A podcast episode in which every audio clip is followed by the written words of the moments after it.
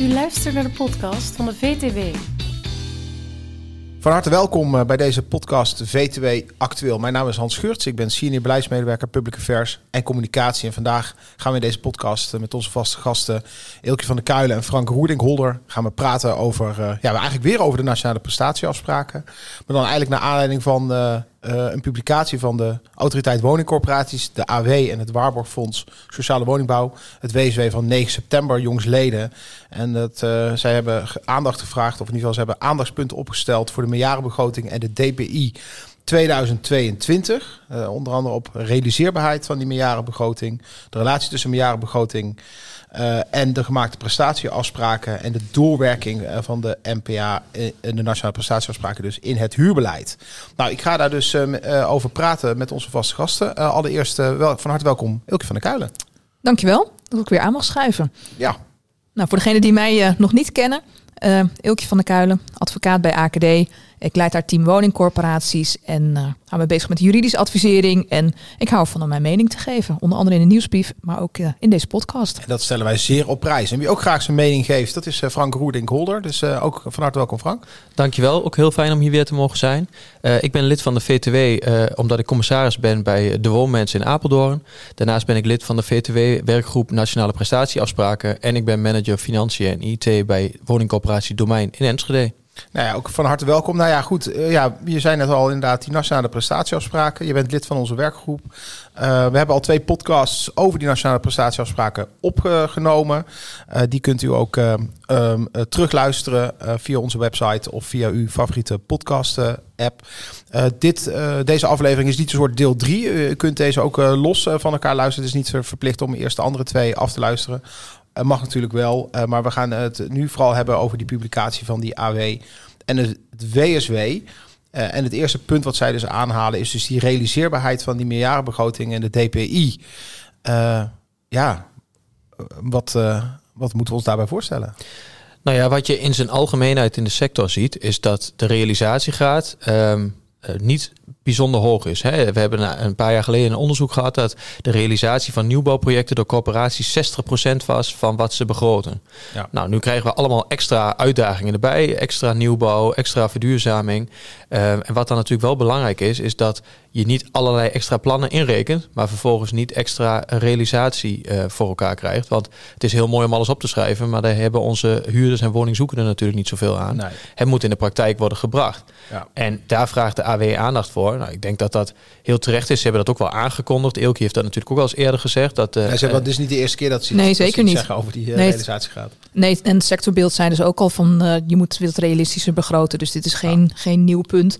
Ze hangen nu een beetje op ook aan de nationale prestatieafspraken. Ja, ja, maar het is wel ook echt een terecht punt. Hè? Want um, um, als je het hebt over uh, we moeten meer doen, dan moet je zorgen dat wat je dan zegt dat je meer gaat doen, dat je dat ook wel laat zien.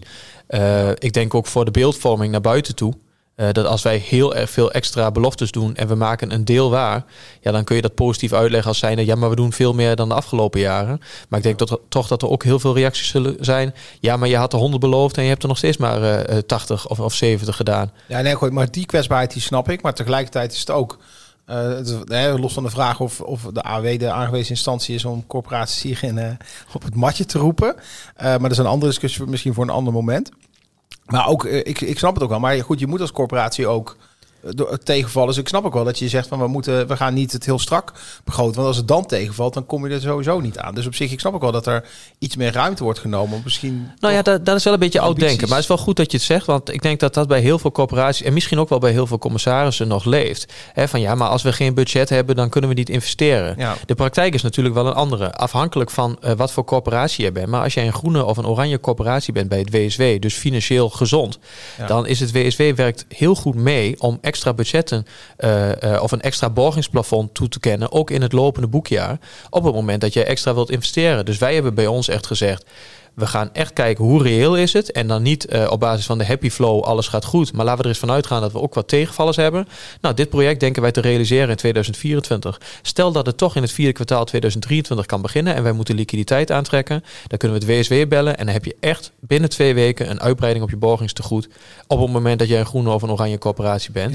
Ja. Um, maar het voordeel daarvan is dat je niet allerlei beloftes maakt waarvan je eigenlijk aan de voorkant al wel weet, een aantal gaan we echt niet halen. Nee, dus, dus eigenlijk de lijn die de AW neerlegt van nou realistisch begroten, dan zeg je van nou, dat is eigenlijk heel verstandig. De begroot realistisch wil je dan toch, heb je nog meer ambities, dan kun je altijd bij het WSW uh, aankloppen. Ja, en, en, je moet goed kijken hoe je dat intern doet. En wij hebben dat binnen domein lossen wij dat als volgt op. Want we zitten natuurlijk midden in het begrotingsproces op dit moment.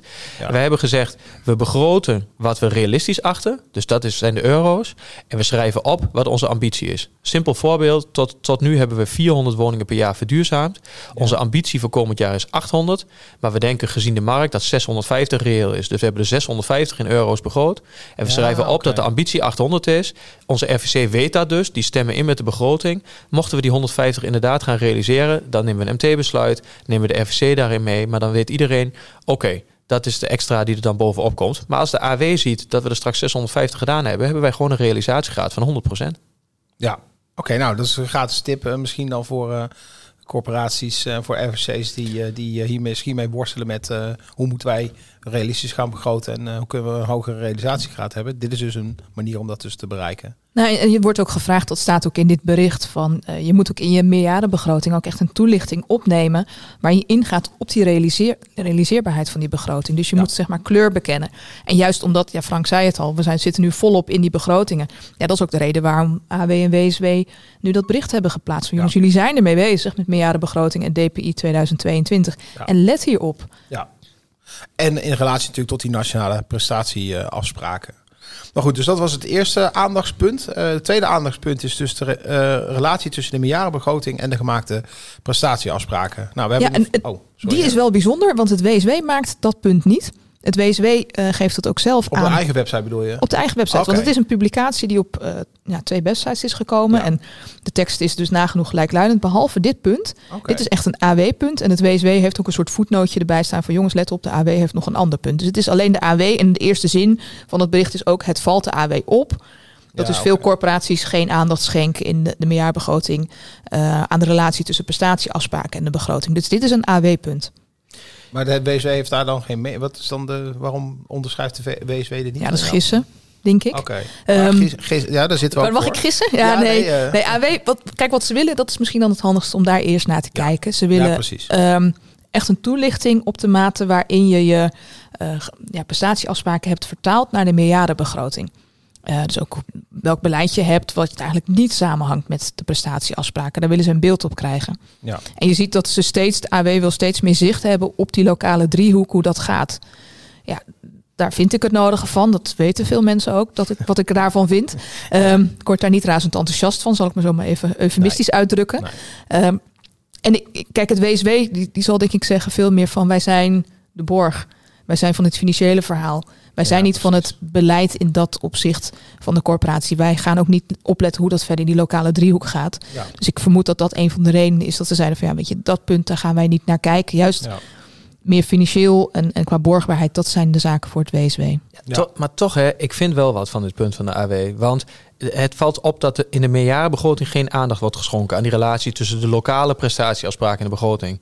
Maar dat doen wij ook niet, maar wij doen het in onze portefeuillestrategie. Ja. En die portefeuillestrategie is de uh, onderbouwing voor een heel belangrijk deel van je begroting. Ja. Alleen die portefeuillestrategie ziet de AW niet. Ja, tenminste, ze kunnen hem opvragen, maar ze zien hem niet standaard via de DPI bijvoorbeeld. Nee. Dus ik vind het wel een nou, het, ik, het valt me eerlijk gezegd een beetje tegen. Ik vind het een beetje suggestief negatief. Want ik weet zeker dat elke corporatie in zijn portefeuillestrategie rekening houdt met de lokale prestatieafspraken. Ja, dus, ja. dus, ja. Het, dus um, ja, dan moeten we het in de begroting nog een keer op gaan schrijven. Omdat de AW daar dan meer middelen heeft of beter naar kijkt. Ja, of de AW wil uh, in de toekomst ook uh, de, de portefeuillestrategieën gaan bekijken. Maar ja. moeten ze niet op ideeën brengen. Ja, nou, nou, inderdaad. Okay. Nou, maar, nee, maar, maar kijk, en, en begrijp me niet verkeerd. Wij zijn hartstikke transparant naar de AW. En ik denk ja. dat het ook heel moeilijk is als externe toezichthouder om goed toezicht te houden. Dus ik snap best dat ze informatie willen. Alleen het valt op dat ze geen aandacht schenken aan. Dan denk ik, nou, dat doen we wel. Alleen wij Alleen schrijven dat op in de portefeuille-strategie. Ja. ja. dus, ja. dus um, ik vind, ik, nou, maar jullie hebben het niet in de begroting opgenomen, want het heeft geen toegevoegde waarde om het daarin te zetten. Ik bedoel, het levert, ik bedoel, waarom zou je het, waarom zou je het wel doen? Nou ja, kijk, je begroting is al vaak omvangrijk in het aantal pagina's. Dus ja. en het is vooral een financieel uh, instrument. En de portefeuille-strategie is een veel inhoudelijker uh, instrument. Dan ga je kijken naar wat is er nodig in het gebied, wat zijn de afspraken die we gemaakt hebben. Dus die hele toelichting zit al in de portefeuillestrategie. Het is niet nodig om dat dan nog een keer te kopiëren in de begroting. Tenminste niet voor onze interne besluitvorming. Want onze RVC heeft de portefeuillestrategie gezien, goedgekeurd. MT hetzelfde. dat is de onderligger. Ja. dan hoef ik niet nog een keer die hele tekst in een toch al heel dik boekwerk te zetten. Dus in de begroting richten wij ons veel meer op wat betekent dat nou financieel. En dus ik ben het met de AW eens dat die relatie er moet zijn. Maar ik kan mij niet voorstellen dat er één corporatie is waar die, relatie er niet is. Dus is een beetje spijkers op laagwater zoeken. Nou ja, en je, ja, en je ziet dat natuurlijk op dit moment in het proces ook gewoon. Hè, eh, op dit moment vinden er veel gesprekken plaats. We gaan het denk ik zo nog wel even hebben over de tijdlijn waar we, waar we in zitten. Maar die gesprekken die, die landen ook gewoon in de begrotingsprocessen op dit moment. En die worden echt wel meegenomen waar het echt financiële impact heeft. Oké. Nee, ja, het, het, is, ik vertaal het ook. We willen meer beeld erbij krijgen, meer beeld en geluid, zodat wij kunnen controleren wat er gebeurt. Zo vertaal ik hem. Maar dan, dan ligt toch wel de basisvraag eronder. Uh, gaan ze daarover, ja of nee? En is dat nou verstandig? Ja, precies. En eh, ja, als het, als het geen toegevoegde waarde heeft om het in de begroting te zetten, dan ja. ja het is nog een knip- en plakactie, ja.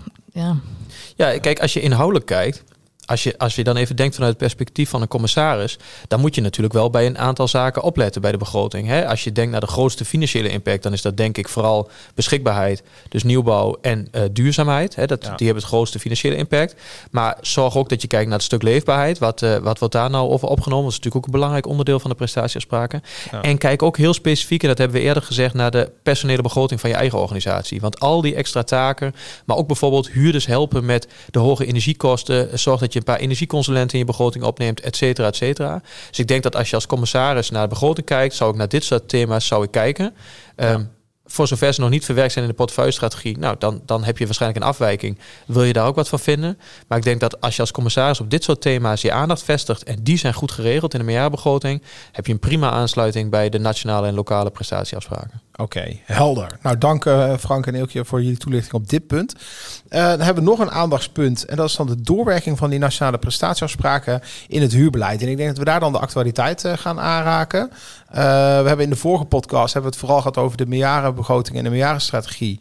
Uh, en uh, in de eerste podcast hebben we het ook vooral gehad over die, uh, de realiteitscheck die er aankwam. Kwam ook in de tweede podcast terug. En ik denk ook nu, want ja, de, de deadline is op 1 oktober aanstaande. Deze podcast wordt opgenomen op 23 september. Dus we zitten nog een week voor, die, voor die deadline van die van die realiteitscheck.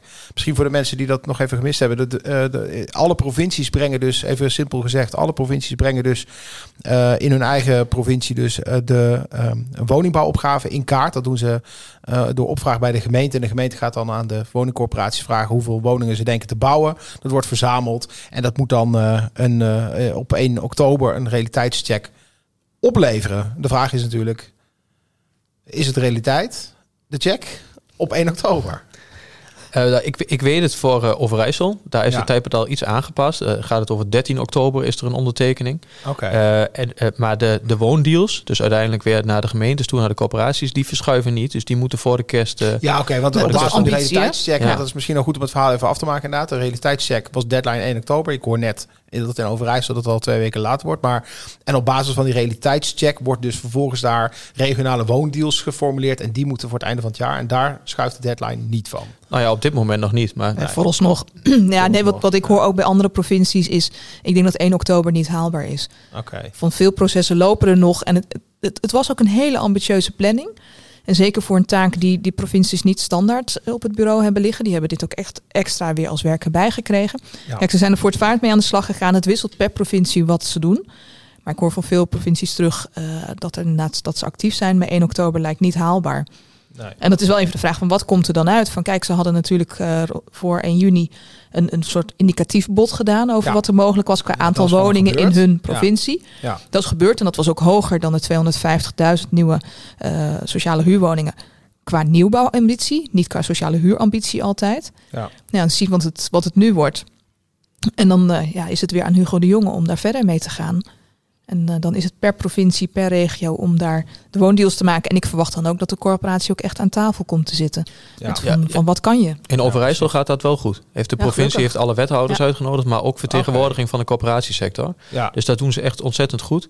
En ik denk of die deadline nou precies gehaald wordt of niet, je merkt wel dat er enorm veel tempo zit in het traject. En dat is natuurlijk wel goed, want um, we moeten allemaal aan de slag. En dat betekent ook de gemeente. En die gemeenten ervaren de druk natuurlijk nu ook wel. Ja. Dus ik denk dat dat niet verkeerd is. Of je nou precies voor de kerst klaar bent, dat, ik denk dat dat niet zo relevant is. Maar er zit wel heel veel tempo en energie op. En ik denk dat dat heel goed is. Dat ook gemeenten zich beseffen, hè, die wederkerigheid waar we het eerder over hadden. Je kunt als coöperatie van alles willen, maar uh, heel vaak is ambtelijke capaciteit, beschikbaarheid van gronden, procedures is ook vaak de bottleneck. Ja. Um, ik denk wel dat er steeds meer besef komt bij gemeenten dat zij ook echt een belangrijke rol hebben. En ik, uh, in onze regio hoor je ook al gemeenten die extra beleidsambtenaren aan het werven zijn om dit uh, proces uh, te kunnen faciliteren. Ja. Nou, hopelijk vinden ze ze dan ook. Ja, dat, dat is, is dan nog een, dat is nog in de huidige arbeidsmarkt wel een ingewikkelde. Maar, ja, maar het is, Goed dat ze, het is goed dat ze werven. Want ja, zeker. We, hebben, we zien heel vaak dat de ambtelijke capaciteit een bottleneck is. Dus dat daar wat aan gebeurt, heel goed. Ja. Maar er is ook nog wel wat sceptisch of uh, hoe realistisch natuurlijk uh, het is. Niet alleen qua, qua uh, deadline van 1 oktober. Nou goed, daar kunnen we wel nog wat mee schuiven. Maar ook vooral of de opgave, als je het allemaal op gaat tellen, of die opgave wel gehaald wordt. Met name op het sociale deel. Ik weet niet, hebben jullie daar enige, ja, behalve dan wat ik lees, hebben jullie enige idee, zeg maar zeggen? Ik, ik, ik, denk, ik denk dat het te ambitieus is. Ja. Als ik het allemaal bij elkaar zie. Maar ik ben het wel met Frank eens. Er zit tempo in. Er zit een goede flow in. Gewoon gaan. Ja, en, en, en, en gewoon knalhard je best doen. Kijken wat er uitkomt. Ja, en het is regionaal. Want ik merk uh, in Overijssel en Gelderland hoor ik wel positieve geluiden over dit uh, stuk. Okay. Volgens mij worden daar de ambities wel uh, gehaald. Maar goed, er zijn natuurlijk ook hele andere regio's in Nederland met hele andere problematiek. Dus ik, ik weet niet hoe het in totaal optelt. Nee denk dat dit ook echt een traject is dat regionaal heel verschillend loopt en ook heel verschillende uitdagingen uh, biedt. Hè. In het oosten is de ruimte natuurlijk wat makkelijker dan uh, in het westen of in het zuiden. Dus dat, dat helpt natuurlijk wel als je nieuwe woningen wilt neerzetten. Ja, want ik vraag me ook af, ik zit me dat nu hardop af te vragen. Ik bedoel, jij, ik hoor nou net jou 13 oktober zeggen, maar is er dan een soort centraal moment of gaat iedere provincie dit los presenteren? En of komt er een soort eh, nationaal, landelijk ondertekeningsmoment of een iets met van de minister dat hij, hij zal uiteindelijk een brief naar de Kamer sturen met de, de, de optelling. Maar dat wordt niet een soort uh, iets Zoals ik het lees, is het echt uh, voor deze provincie. En ja. ja, en ik, ik heb het gevoel ook ieder voor zich. Dat was ook bij de indicatieve biedingen. We hebben ook alle provincies voor zich een brief gestuurd. Ja. Heeft de jongen weer gereageerd naar alle provincies toe. Dat was wel een brief die uh, per provincie redelijk gelijkluidend was. Ja. Op enkele zinnen na, omdat dat dan echt niet meer matchte. Een ander adres. Ja. Nou, iets, iets meer afwijking, dat gelukkig wel. Er was wel goed naar gekeken. Ja. maar dat, dat, dat is wat ik eigenlijk verwacht. Maar ja, weet je, in die zin is het ook nog gissen. En het, het is ook gewoon nog een heel nieuw proces waar veel tempo op zit. Maar ja. dit zijn wel processen ook waar je ook rekening mee moet houden als corporatie. Van wat kan ik inderdaad op die korte termijn? Wat is realiseerbaar? Wat moet ik in mijn begroting meenemen? Maar vooral ook van wat, wat zit er in de afspraken qua huurbeleid? Wat ik moet doorrekenen. En daar vragen AW en het WSW ook terecht aandacht voor. Van um, kijk onder andere naar die huurverlaging. Van 120% bestaansminimum naar 550 euro. Die komt volgend jaar. Ja probeer daar toch een beetje in te schatten wat het effect is voor jouw corporatie daarin. Ja, en is dat ook een beetje wat, wat, wat, wat ze hebben als laatste hebben ze dan nog uh, de, eigenlijk een vraag aan corporaties om een scenario, scenario analyses te doen? Is dat ook uh, wat, je, wat je hierop doelt, van neem je je meerjarenbegroting gewoon verschillende scenario's? Nou ja, het huurbeleid voor een deel weten we dat natuurlijk. Ja. Zeker met nationale prestatieafspraken ook. Van de, ja, niet meer inflatievolgend, maar dat er andere normen gaan gelden. Uh, dus daar kun je denk ik wel wat doorrekeningen op maken. Maar voor een deel ook niet. Voor een deel niet. En dat geldt met name nu voor uh, bouwkosten, inflatie, uh, rente noemen ze ook expliciet. Dat die wijzigingen. Ja, goed, bijvoorbeeld, ja. ik, ik, denk ook meteen aan de motie die PvdA GroenLinks in de Tweede Kamer indiende diende bij de algemene politieke beschouwingen over de, de, de EFG, EF en G labels. Dat daar ook nog een huurverlaging zit. Maar dat is ook nog onduidelijk natuurlijk. Ja. Ja, ja. ja wat, je niet, wat je niet weet kun je niet begroten. Dus die zou ik textueel oplossen. In zijn algemeenheid, die huurverlaging daarvan is gezegd... op landelijk niveau zou die um, financieel uit moeten komen alsof je een jaar geen huurverhoging doet. Dus alsof je een jaar huurbevriezing doet. Dus wat wij in de praktijk doen is in onze eerste versie van de begroting doen wij net of een huurbevriezing doen in 2023. Dat zou op landelijk niveau een benadering moeten zijn, maar kan per corporatie wel afwijken. Ehm, maar ik weet ook dat uh, twee marktpartijen um, een tool hebben ontwikkeld. En dat als jij je eerste versie van de begroting opstuurt, dat zij een indicatieve berekening maken wat die huurverlaging jou zou kosten als corporatie. Zodat die specifieker wordt voor jouw corporatie. Dus dat gaan wij bij versie 2 van de begroting doen. Het blijft indicatief, maar wel op basis van CBS-data. En dan heb je in ieder geval een beeld. Want het kan, denk ik, per corporatie nog wel eens flink verschillen. We hebben natuurlijk wel ook al, al wat uh, huurverlagingen gehad, die gaan helpen. Maar het is enorm afhankelijk van wie er in jouw woningen zit. Dus ik zou zeggen, zorg in ieder geval dat je die één jaar huurbevriezing inrekent. Dan heb je een indicatief uh, bedrag. Maar als je, als je kunt, zou ik die marktpartijen vragen om het door te rekenen. Dat gaan wij ook doen. En als het in je proces past. Maar je doet het dus niet zelf. Je gaat laat dan echt. maar je kunt het niet zelf, omdat je geen informatie hebt welke van jouw huurders tot die 120, 120% sociaal minimum zijn. En die marktpartij die doet op basis van CBS-data en postcodes kunnen zij een inschatting maken voor hoeveel mensen dat geldt. En dan heb je een veel betere benadering. Want die data heeft de corporatie natuurlijk niet. Nee. Dus, ah, dus, dus uh, nou ja, eventueel zou je het natuurlijk wel bij het CBS kunnen ophalen. Maar ik denk in de dus huidige periode. En ja, dat is wel sneller. En alles ja, werkt wel. corporaties dat allemaal nou doen. Uh, hoe, hoe, druk zijn we op dit moment met de begroting, met de prestatieafspraken, et cetera. Um, die scenario-analyses, um, wij doen dat zelf altijd al bij de, um, uh, bij de portefeuille-strategie. En inderdaad, pak daar alleen maar een paar grote uit. Hè? Want wat zijn grote uh, invloeden als de rente echt wat anders gaat doen? Dat is uh, een grote, want je gaat veel herfinancieren en extra financieren voor al je extra opgaven. kijk naar de bouwkostenstijging inderdaad. Dus ehm, wij hebben eerst wel eens twintig verschillende scenario's doorgerekend, maar heel veel scenario's hebben eigenlijk nauwelijks effect. Dus ik denk dat het belangrijk is om je wel echt te richten op die paar scenario's die dan ook echt significant effect hebben op jouw financiële positie. Want er zijn genoeg uh, ontwikkelingen die jij kunt bedenken, die zo weinig betekenen voor de coöperatiefinanciën, die moet je vooral niet doorrekenen. Dus ik denk dat je met twee, drie, vier scenario's, de rente, de bouwkosten, misschien iets met, uh, met huurbeleid, denk dat je dan de grootste wel te pakken hebt. Ja, en AWB's, wij noemen nog inflatie en loonkosten. Uh, dat, die noemen ze ook nog echt als, als punt. Ja, maar ja, als de loonkosten omhoog gaan, gaat de CO-loon omhoog, gaat de uh, huurverhoging weer omhoog. Dus dat is, krijg je zo'n cirkelredenering. Ja, nee, dat dus klopt. Die vind ik wel lastig. Als je, als je, weet je, dat is je maximale ruimte, als je dan inderdaad die ook beleidsmatig doorvoert. Ja. Dat is nog een ander punt. Maar ik denk dat vooral dat het heel goed is dat AWWSW gewoon even de corporaties aan de jas trekken. Van jongens, let hierop. Neem het mee. Bij een heel aantal corporaties zal het op orde zijn. Ja. Um, maar ik denk niet bij iedereen dat, dat die daar zo serieus aan het... Nee, nee je, je, hebt gelijk. Het, het zijn terechte ja. aandachtspunten, ja. absoluut. Ja. Maar dat is wel interessant, hè? Want ik bedoel, dit, dit, hè, dit is gewoon de, de AW plaatst dit op de website. Ik bedoel, en dat, dat is VTW en zo kun je dit gewoon allemaal natuurlijk lezen. Maar worden corporaties hier dan ook actief? Ik bedoel, weet jij hoe dat Krijgen jullie een brief van het AW en het WSW met deze, met deze aandachtspunten plus de scenario-analyse? Nou, uh, ik heb hem gezien via de nieuwsbrief van SBR. En SBR is het portaal waarin je de DPI, dus de prognose-informatie, moet inleveren. Ja, die krijgen alle corporaties krijgen die. Dus als je die goed leest, ik had al meerdere collega's aan mijn bureau staan. Hey Frank, dit zijn aandachtspunten, daar moeten we wat mee. Ja, precies. Dus uh, in principe wordt er wel goed over gecommuniceerd. Inderdaad, je ziet het ook nog op de uh, website van de AW. Um, als je als corporatie serieus bezig bent met je begroting, dan, dan mis je dit niet. Want iedereen krijgt die nieuwsbrieven van de SBR. Of je er wat mee doet, daar heeft Eelkje natuurlijk wel gelijk in. Er zijn denk ik heel veel corporaties die dat al hebben of die er wat mee doen. Ja. Um, degene die nu al niet het beste jongetje of meisje van de klas zijn, nou ja, die moet je misschien nog wel eens een keer uh, nader dit onder de aandacht brengen. Maar ik neem aan dat de AW naast zo'n algemeen bericht ook echt wel als een pappenheimers kent en denkt, laat ik die of die nog even een extra berichtje sturen. En dat zou ook wel netjes en, zijn. En het WSW ook hoor. Die heeft daar ook goed zicht op. Ja. Actieve accountmanagers daar ook. Oké, nou ja, goed. Dus uh, aantal aandachtspunten en dan vervolgens het eh, verzoek dus om dat ook in scenario's en uh, scenario-analyse dus mee te nemen. En dan ben ik wel benieuwd, dat moet ik wel zeggen, van wat is een beetje van, van wat gaan ze dan mee doen? Van uh, dan dit zijn terechte punten, denk ik, gewoon voor een goede bedrijfsvoering om dat te doen. Ja. Uh, gaat WSW en AW hier dan nog op acteren? Van, kijk, op het moment dat de corporaties het niet doen, ja, op, nou, op het moment dat ze het niet doen, dan vind ik het ook logisch dat ze dan die vraag over stellen van jongens, dat moet je wel doen, want dat, je, je moet iets zicht hebben op wat er gaat komen. Maar stel dat je dat allemaal netjes hebt ingevuld en je hebt het gewoon helemaal scherp.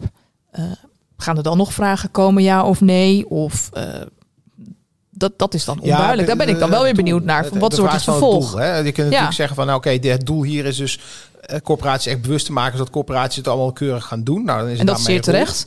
Ja. Uh, maar je zou het inderdaad ook kunnen zien als een opmaat dat het AW en het WSW dan hier zelf ook op gaan acteren op die punten bedoel je? Ja, weet ik niet. Dus ja. We hebben geen indicatie voor, maar dat is nee, wel een, okay. ik ben er wel benieuwd naar van wat wordt het vervolgtraject. Want we zien steeds meer die vragen over de realisatiegraad van uit de AW, WSW weet ik ook dat die ook wel echt kijken naar de duurzaamheidsinvesteringen. Ja, hoe gaan ze daarmee om? Hoe gaan ze eigenlijk om in de praktijk met de nationale prestatieafspraken? Ja, ja maar en dat is dus een heel goed punt wat niemand nog weet. Ik heb toevallig komende week een afspraak met EDES om hierover van gedachten te wisselen. Okay. Um, de monitoring. Want inderdaad, ik maak nu een begroting. Hè, wij, wij zijn intern al bezig. Als wij nu al vacatures invullen die betrekking hebben op activiteiten die we vanwege de nationale prestatieafspraken gaan doen. Denk bijvoorbeeld aan een extra energiecoach. Die, die begroten wij nu al apart, maar ook de realisatie houden wij al apart bij om straks verantwoording af te kunnen leggen. Want ik heb nog geen flauw idee hoe ik straks verantwoording moet afleggen over wat wij nu gedaan hebben bij die nationale prestatieafspraken. Dus deze oproepen zijn terecht. Maar niemand vertelt mij wat ik precies moet opschrijven in die begroting over eh, hoe, wat doe ik nu in het kader van de nationale prestatieafspraken extra.